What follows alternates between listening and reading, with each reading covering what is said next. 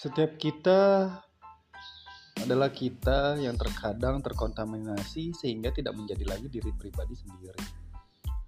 Maka dari itu, menggugah adalah bagian yang paling penting buat saya agar setiap kita itu menjadi diri sendiri dan yakin bahwasanya kita bisa dan mengandalkan yang pertama jelas sang pencipta, yang kedua adalah diri sendiri. Selamat hari ini dan selamat menikmati hari.